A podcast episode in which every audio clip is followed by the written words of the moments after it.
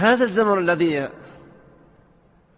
أصبحت وسائل نشر الكلام مهيئة لكل من أراد أن يقول. صار الناس محتاجين حاجة قوية إلى أن يتحروا عمن يتلقون دين الله. يقول علماء السلف كعبد الله بن مبارك وطبقتي ومن جاء بعده إن هذا العلم دين. فانظروا عمن تأخذون دينكم. يعني ينبغي للواحد إذا أراد أن يسأل أن يحرص في التحري.